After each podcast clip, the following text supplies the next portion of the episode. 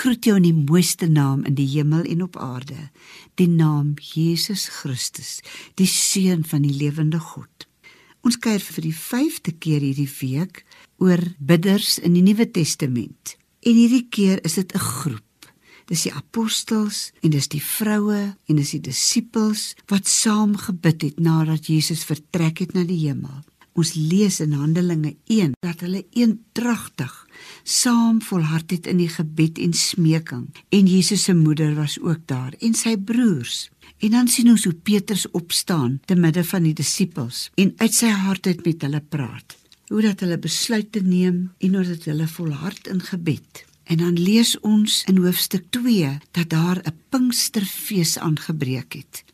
En omdat hulle saam gebid het, saam geglo het, en gesê dat die Here tog sy gees op hulle moet uitstort, het hulle 'n geweldige rukwind ervaar en is die Heilige Gees uitgestort.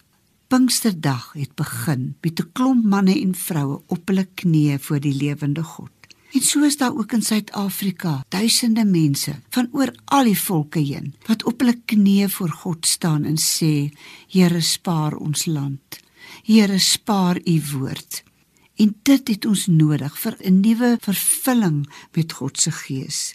En dit kan net gebeur as daar met oorgawe gebid word.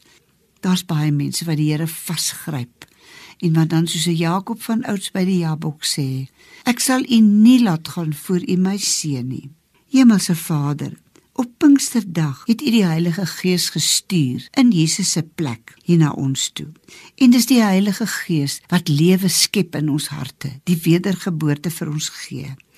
En Here, as daar iemand is wat verlang na die vervulling met die Heilige Gees, bid ons dat U dit sal gee.